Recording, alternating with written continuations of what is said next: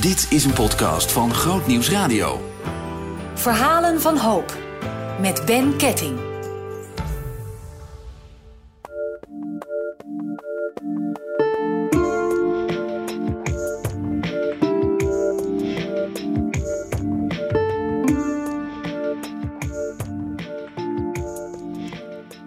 Bij verslaving denken we vaak in clichés. Een dakloze junk in de goot en de kliniek als remedie. Maar verslaving kent vele vormen en treft alle lagen van de samenleving.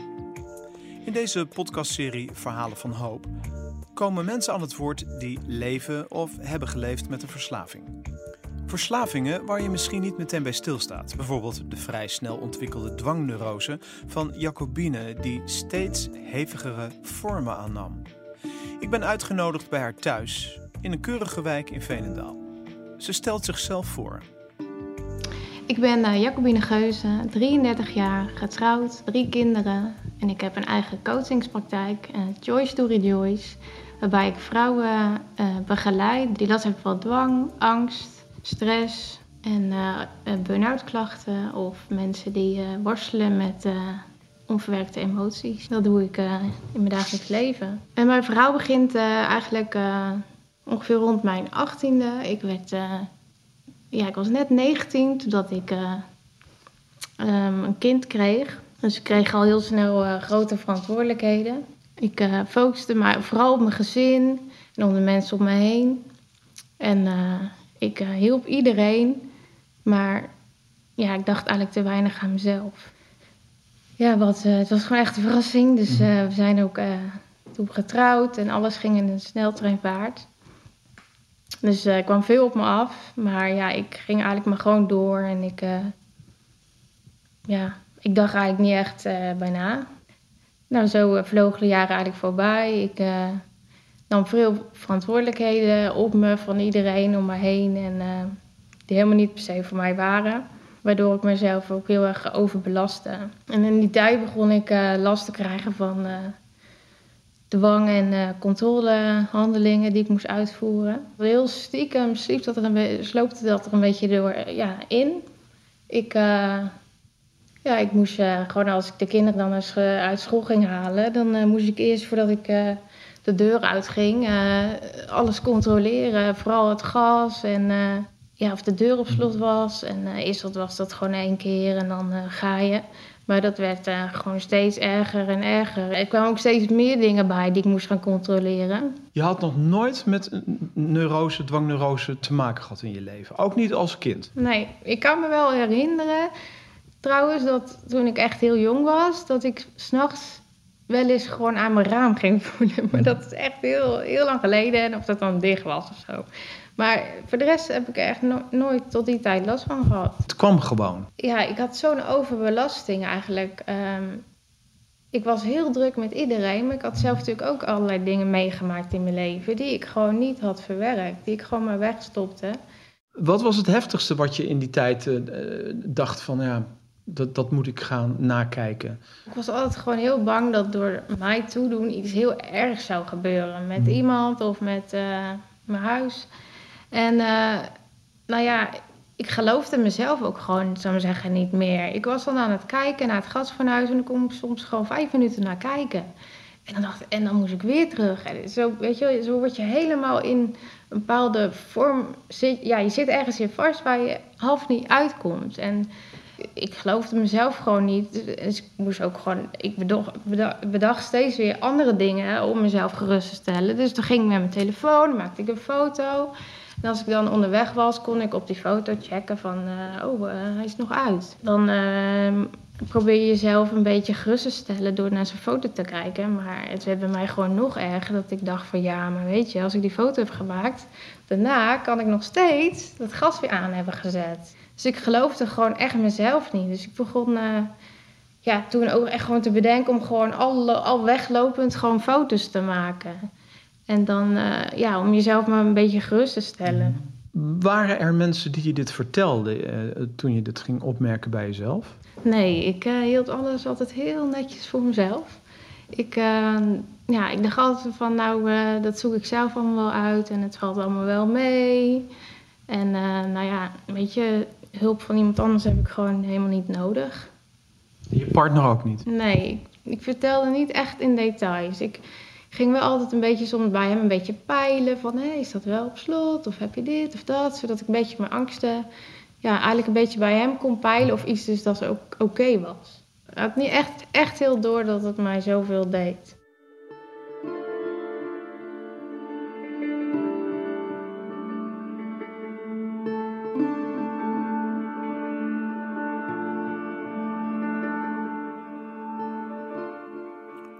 Dwangneurose probeert Jacobine denkbeeldige rampen te voorkomen. Door steeds dezelfde handelingen te herhalen. Deze handelingen neemt ze ook mee als ze bij een ander is. Ik was in die tijd ook gastouder bij gezin in huis. En uh, daar ontwikkelde ik ook allerlei ja, angsten. Zelf bijvoorbeeld, uh, ik maakte ook schoon. Dus uh, als ik dan een uh, schoonmaken doekje te dicht bij een stopcontact uitkneep, was ik gewoon al bang dat er spetters in kwamen en dat er dan iets heel erg zou gebeuren. Dus ja, je, je, je gaat zo leven in een angst. En ik, ja, je lichaam die gaat er ook op reageren. Ik, mm -hmm. ik uh, was zo. Ik kon ook niet meer ontspannen. Als ik dan bij hun wegging en dan was ik al helemaal een soort van stoelmoesje te, te bedenken om hun huis nog even te controleren. Of ik dus alles wel goed had gedaan. Of ik geen schoonmaakmiddel en zo nog had laten staan. En uh, nou ja, dan ging ik naar huis en dan zat je echt een beetje vol uh, stress, spanning, ga je naar huis. En dan uh, die, die, dagen daarna kon ik gewoon ook niet meer ontspannen. Ik zat continu dat huis weer na te gaan in mijn hoofd. Dus zat ik weer te denken alles wel goed had gedaan. En uh, ja, op een bepaald moment werd het ja, me zo te veel op de fiets... dat ik ook gewoon boos werd van mezelf. Van ja, weet je, zo kan je gewoon niet leven. Zo wil ik überhaupt niet eens leven. Mm -hmm. En toen heb ik het eigenlijk ook allemaal echt alles tot in details aan mijn man verteld ja, die schrok daar natuurlijk ook wel heel erg van. Die had dat wel, ja, die had dat niet zo erg door dat het zo erg was met mij eigenlijk. Ik hield alles altijd heel erg voor me. Had jij niet het idee, ik ga eens naar een huisarts of zo?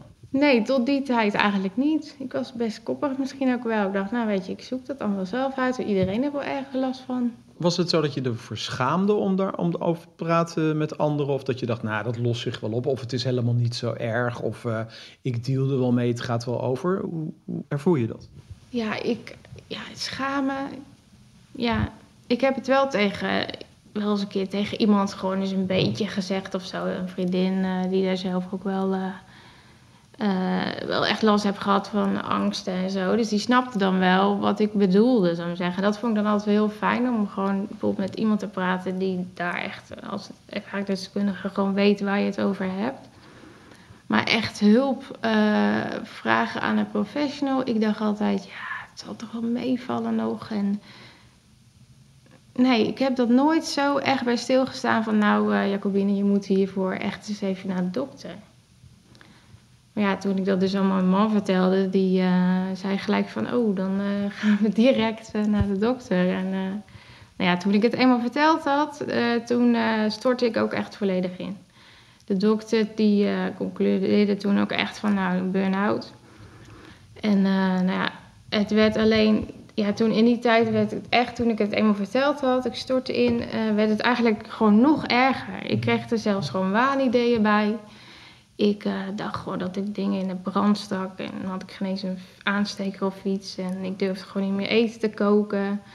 Want dan was ik bang dat er plastic in het eten zat. Dus ik kon ook gewoon niet meer voor mijn kinderen zorgen. Ik lag alleen maar op de bank. Hoeveel kinderen had je toen? Uh, drie. Drie kinderen. Je bent alleen maar in angst. Ik, stond met, ik zat op de bank met ogen zo groot als schoteltjes. Ook een beetje naar, naar mijn voor me uit te staren. En uh, ja, de dokter, er was zelfs sprake van een crisis, uh, dat ik naar crisisopvang moest. Gelukkig ja, is dat gelukkig niet zo ver gekomen, uiteindelijk. Maar ja, toen hadden we echt wel ook met mijn man over gehad en de dokter van ja, je moet gewoon nu in een hulptraject. Je moet iets gaan doen aan die dwangneurose en die angsten. En toen ben ik ja, bij de hoop terechtgekomen.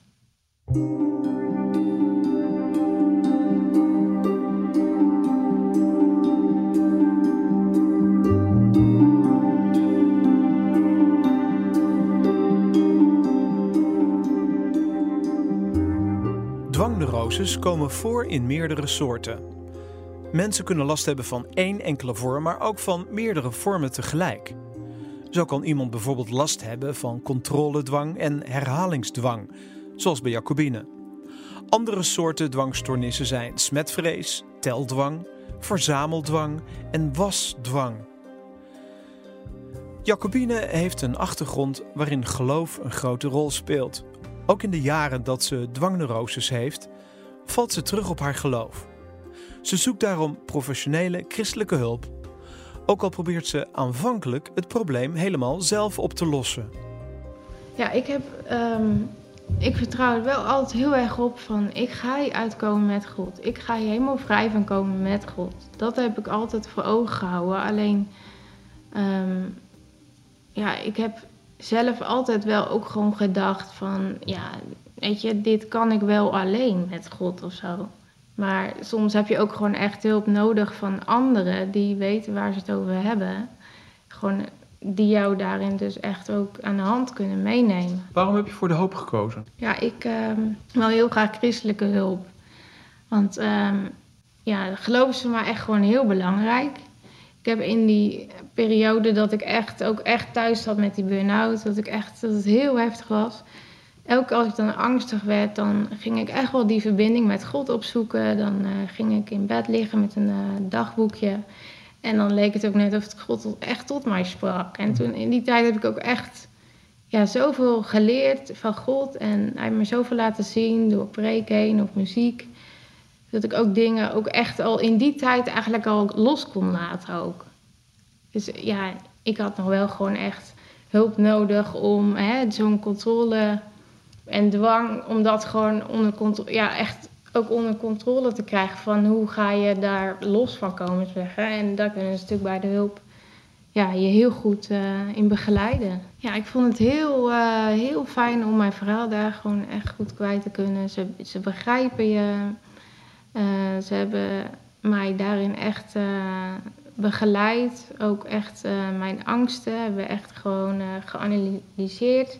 Gewoon van, hè, zo kwam ik er eigenlijk op achter dat heel veel angsten die ik had ook gewoon niet reëel waren. En ja, dat, ja, dat is heel fijn om dat gewoon te gaan zien, zodat je ook echt angsten kan, gewoon echt los kan gaan laten. Want dat is gewoon niet waar. Je- Jezelf voor de gek houden, is dat het? Nee, ja, op dat moment geloof je gewoon echt dat dat waar is. Dus dan kunnen mensen tegen jou zeggen, joh, eh Jacobine, wat jij nu allemaal denkt, is gewoon niet waar. Maar dat, dat, dat, daar komt dan niet binnen. Dat heb je niks aan, want voor jou, ja, voor mij was het echt, het was toen echt reëel. Wat heb je eh, met hulp van de hoop en mensen daar ontdekt wat erachter lag? Wat was nu precies het probleem? Waarom is dit net na je huwelijk, eh nadat het baby geboren werd, begonnen? Ja, ik denk dat het bij mij ja, echt gewoon is gaan ontwikkelen doordat ik gewoon eh, overbelast was. Ik had zoveel, ja, best wel veel dingen ook meegemaakt en nooit ehm, ja, dat een plekje gegeven of verwerkt. Dus ik ging altijd door, altijd. En ik was echt iemand die iedereen hielp en als er wat geregeld moet worden, dan stond ik vooraan en ging ik het regelen. En ik nam verantwoordelijkheden op me die niet voor mij waren. Dus eigenlijk ligt er trauma aan vooraf in je jonge jaren opgelopen. Kan je daar iets over vertellen? Ja, ik heb gewoon, ja, omdat ik op jonge leeftijd dan moeder werd, heb ik echt nooit kunnen doen wat ik wilde. Dus ik heb niet mijn opleiding bijvoorbeeld kunnen afmaken die ik wilde. Dus ik heb altijd werk gedaan wat ik op zich op dat moment gewoon wel prima vond, maar niet hè, dat je daar echt voldoening uit krijgt van ja, dit is wat ik met mijn leven wil doen. Waar kwam je bij de hoop achter? Hoe zijn jouw ogen geopend voor jouw probleem? Voor het de dwangneuroses, de dingen die je moest doen van jezelf. Ja, ze hebben, ik heb gewoon ook veel gesprekken gehad, natuurlijk ook over je verleden. En ook, ehm, nou ja, daar kwam ik ook achter dat ik gewoon oververantwoordelijkheidsgevoel had. Dus alles wat moest ik zo goed controleren, eh, dat er dus niks fout zou gaan. Ja, dat is bij mij gewoon ergens, ja, gewoon niet goed gegaan. En dat heeft zich zo opgestapeld dat je, ja, bij mij eh, het helemaal eh, verkeerd ging. En dan moet je uh, een fase in van wat ze noemen herstel. Hoe is dat gegaan? Was dat vallen en opstaan? Kan je eens iets over vertellen, over dat proces? Ja, dat uh, was zeker wel aan het begin natuurlijk met vallen en opstaan. Je moet echt leren om die handelingen die je continu moet uitvoeren, dat die minderen en uiteindelijk natuurlijk stoppen. Ik was ook al, ik had zelf misschien mijn lat ook altijd heel hoog liggen van ik moet er ook echt letterlijk helemaal van afkomen en zo snel mogelijk. En uh, nou, bij de hoop hadden ze echt hele mooie opdrachten die je dan ook uh, met elkaar eigenlijk bedenkt. Van echt, ik moest alle angsten en alle uh, uh, dingen die ik controleerde, zou zeggen, allemaal op papiertje schrijven. En dan in plaats van dat ik iets vier keer controleerde, was de volgende stap bijvoorbeeld drie keer. En zo gaat dat eigenlijk afbouwen, steeds meer. En dan elke keer, dan mocht ik er een paar doen. En als ik dan weer kwam, dan gingen we daarover hebben. Maar ik, uh, ja, ik merkte toen ook wel echt van, ik, ik dacht echt van, nee, ik ga dit ook echt samen gewoon met God doen. Dus elke keer um, als ik dan weer kwam uh, op gesprek bij de hoop, had ik ook echt gewoon, ja, eigenlijk heel veel opdrachten gedaan. Ik kon ook echt heel snel, um, ja, het zo afbouwen van die controlehandelingen. Ja, dat was gewoon heel bijzonder. Ik mocht ook heel snel. Uh, ik had ook trouwens zware medicatie van de dokter uh, gekregen. En die mocht ik ook echt, die had ik echt binnen no time ook weer afgebouwd. Ik was sneller om het te ontwikkelen, maar ik was ook snel om het weer ja. af te leren. Ja, toen ik eenmaal die knop omging van dit, hier moet ik wat mee. Dit wil ik gewoon niet meer, want dit is gewoon vreselijk om continu angst te hebben. Toen ja, ging er ergens voor mij ook echt van nee, maar God wil mij uh, die wil dat ik uh, gelukkig ben. Die wil dat je, weet je, bij hem is rust, bij hem is vrede. Dus continu ging ik, als ik angst had, ging ik naar hem. En hij gaf mij echt die rust en die vrede, maar ook die kracht om op te staan en om gewoon te gaan. Dus als je het gevoel had, ik moet dit dubbel checken, dan ging je bidden? Hoe, hoe werkte dat? Um, nou, ik ging gewoon echt maar één keer dan kijken. En dan uh, ging ik gewoon ja, toen zeg ik, oh ik ga, weet je wel, help me. Ik ga gewoon de deur uit. En ik liep gewoon, ik ga gewoon weg. Ik ga op de fiets om mijn kinderen op te halen of wat dan ook. En ik merkte gewoon echt dat ik dan de focus op hem had. In plaats van op je omstandigheden, om, op de situatie. Dan, ja, dan krijg je een switch in je denken. Dan ga je gewoon zien, ga je anders denken. En wat jij denkt, weet je, je lichaam reageert op wat jij denkt. Dat zo, ja, zo ervaarde ik het ook echt gewoon heel bijzonder. En ik kon ook met. Uh, was ook een vriendin dan die ook heel erg daarin, uh, als ervaringskundige, mij daarin zo begreep. En dat, ja, dat hielp mij ook om gewoon um, daarin ja, snel stappen te kunnen zetten. Je zegt van uh, bij de hoop werken ze met ervaringsdeskundigen, mensen die een soort gelijk of, of nou, iets hebben meegemaakt wat daarop lijkt. En dat is belangrijk, hè? Ja, dat vind ik echt heel belangrijk. Dat, weet je, je kan met mensen praten erover van... hé, ik heb uh, dwang en uh, angst, wat doet het allemaal met je lichaam? Hun snappen dat niet. Als je het niet zo hebt gehad, dan kan je niet ten diepste begrijpen... wat het met je lichaam doet. Als je continu in angst zit of dat je ja, dingen moet controleren. Dat zeggen, ik doe even normaal, dat is niks aan de hand. Als mensen dat gewoon echt begrijpen en het mee, zelf mee hebben gemaakt dan, ja, voel je je ook echt gehoord, maar ook gewoon echt begrepen.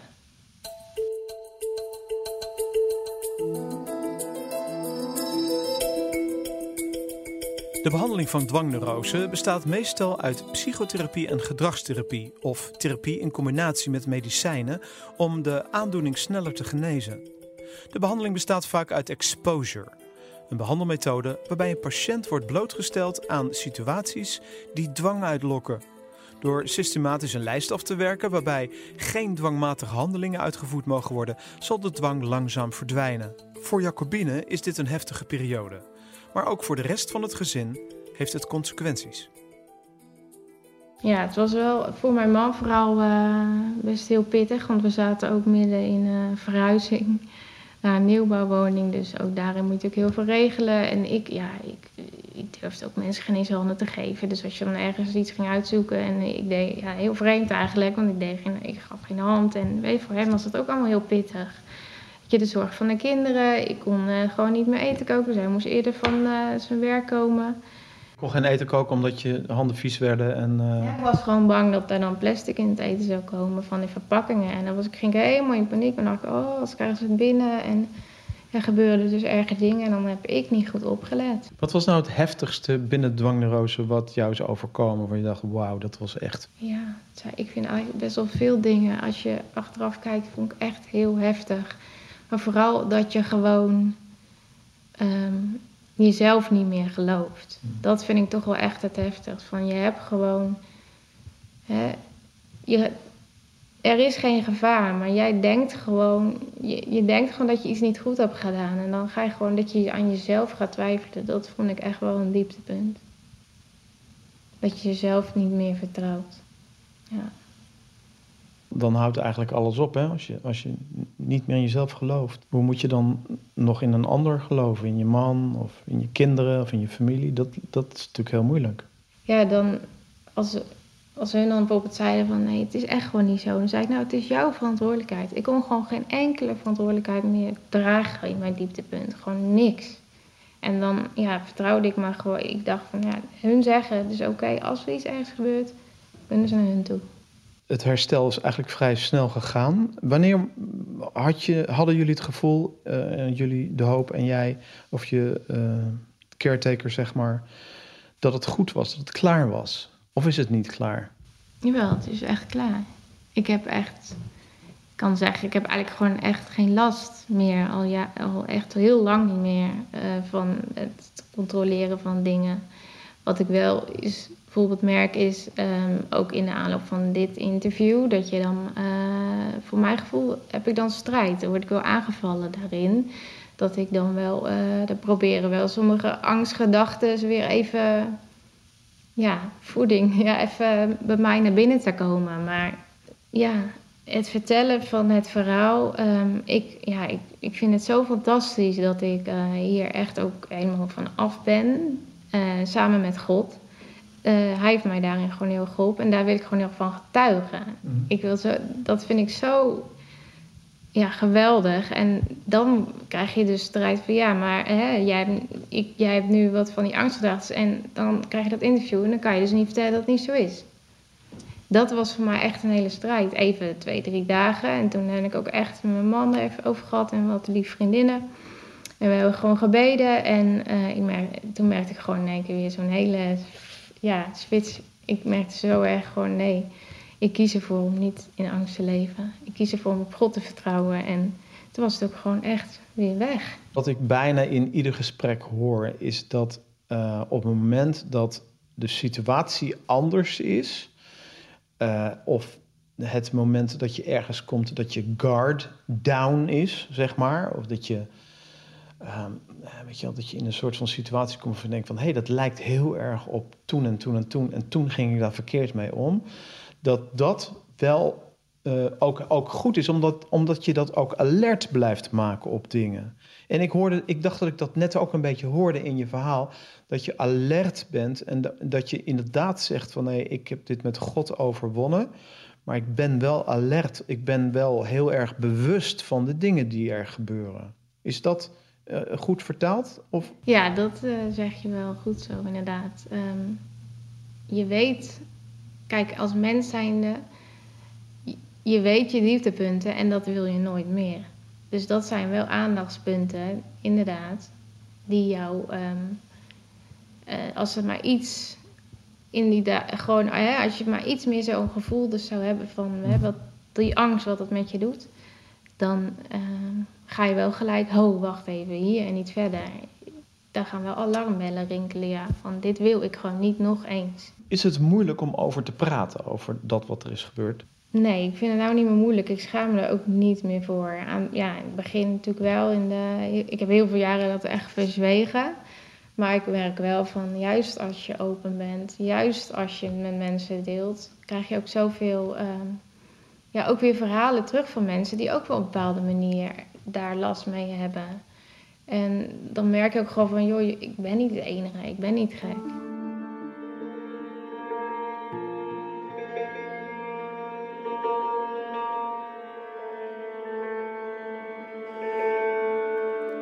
Over de oorzaak van een verslaving wordt in therapie bij de hoop aandacht besteed. Daar zijn verschillende methodes voor. Het is dus niet alleen van belang dat de verslaving wordt gestopt, of in geval van een alcoholverslaving, dat het lichaam slechts een detox of ontgiftiging ondergaat. Het analyseren van de reden of oorzaak die aan de verslaving ten grondslag ligt, is essentieel om een cliënt te zien herstellen. Bij De Hoop is er een programma waarin bijvoorbeeld ex-cliënten opgeleid kunnen worden tot ervaringsdeskundigen. Ook Jacobine probeert anderen met soortgelijke ervaringen bij te staan. Ja, ik, uh, ik had echt zo verlangen om uh, gewoon echt uh, waar ik zelf um, echt dieptepunt gewoon in mijn leven. Dat je daar, ja, dat je weet wat dat is. Om daar anderen gewoon echt in, ja, in te begeleiden van nee, er is een weg eruit. Weet je, met God kan jij dat. En dat vind ik echt fantastisch om anderen daarin te begeleiden.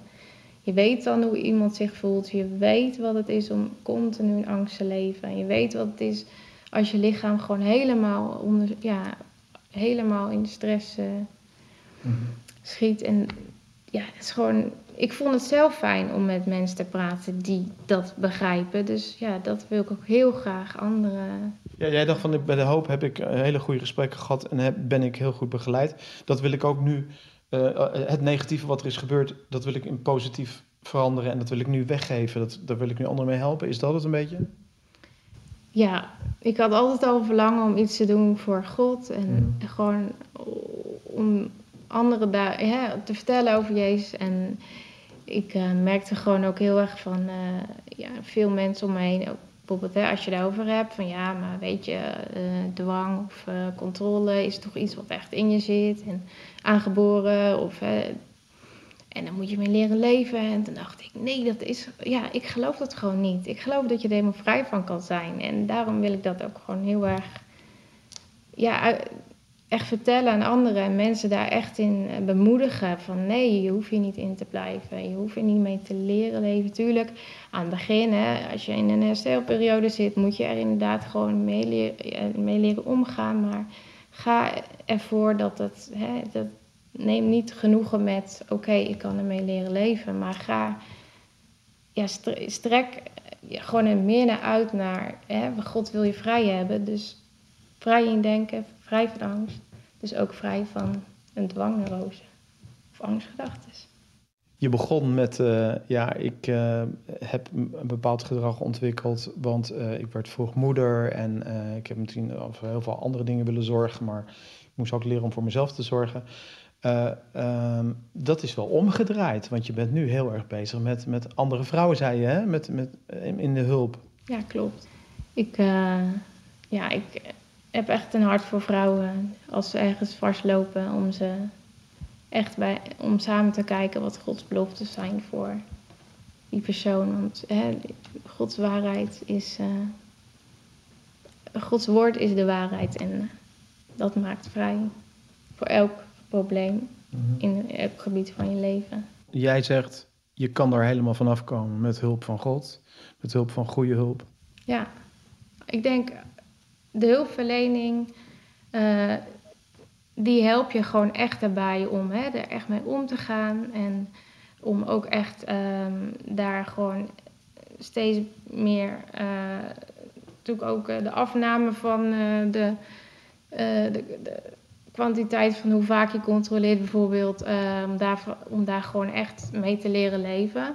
Maar gewoon hulpverlening kan niet uh, die vrijheid uh, geven in je denken wat God wel kan. Dus daar is een stukje wat jij alleen, dus een persoon alleen met God kan.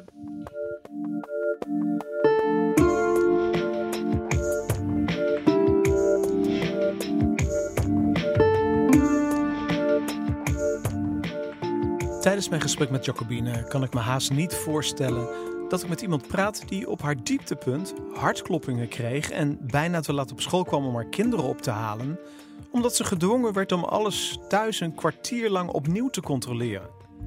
Jacobine is het bewijs dat samen met professionele hulp, maar ook samen met God, het probleem van verslaving te doorbreken is, ook al is het soms een lange weg. Tot slot wil ik nog weten of ze iets op haar hart heeft voor de luisteraars. Een raad misschien voor mensen die zichzelf of anderen in haar verhaal herkennen. Ja, ik zou echt aan de luisteraars mee willen geven dat het niet raar is ja, om een dwangneurose te hebben. Gewoon maak het gewoon bespreekbaar. Zet je schaamte opzij. Want het is gewoon echt vreselijk om constant in angst te leven. Juist openheid laat zien dat je er iets aan, aan wilt doen. Ja, zoek gewoon hulp. En laat het niet op zijn beloop gaan. Neem er echt ook gewoon geen genoegen mee. Van nou ja, dat heb ik eenmaal en ik leer er wel een beetje mee leven. Ja, dat is gewoon een leugen. Ik geloof echt gewoon dat je. Weet je, God wil je vrij hebben. Op elk gebied van je leven. Dus ook vrij van je angst. En dat was ook de meerwaarde die de hoop gaf. Want er zijn natuurlijk heel veel hulpverlenende instanties. Maar daar mag geloof ook een plek hebben. Ja, ik mocht. eh, juist dat vond ik ook heel fijn bij de hoop. Dat je echt. eh, ik kon heel. Gewoon ja, daar ook echt eh, over praten. Dat begrijpen ze dan ook eh, hè, hoe jij in geloof staat. En ik heb ook met. eh, samen hebben we ook heel vaak daarvoor gebeden. En, dat is ook gewoon heel fijn om dat gewoon met zo'n persoon te delen. En aan het eind hebben we ook echt gedankt. Ik wil echt mensen meegeven Zoek veel eerder hulp. Als je merkt dat je gewoon echt dwangmatig dingen moet eh, doen, controle die je moet uitvoeren en dat het gewoon echt steeds verder eh, oploopt, dat je daar gewoon echt eh, hulp voor zoekt. Veel eerder, want de hoop is natuurlijk eh, GGZ. En ja, als je daar een verwijsbrief voor krijgt, ben je echt gewoon al heel ver. En ik, dat, dat is niet nodig. Al veel eerder kan je met de juiste hulp hier helemaal van af zijn.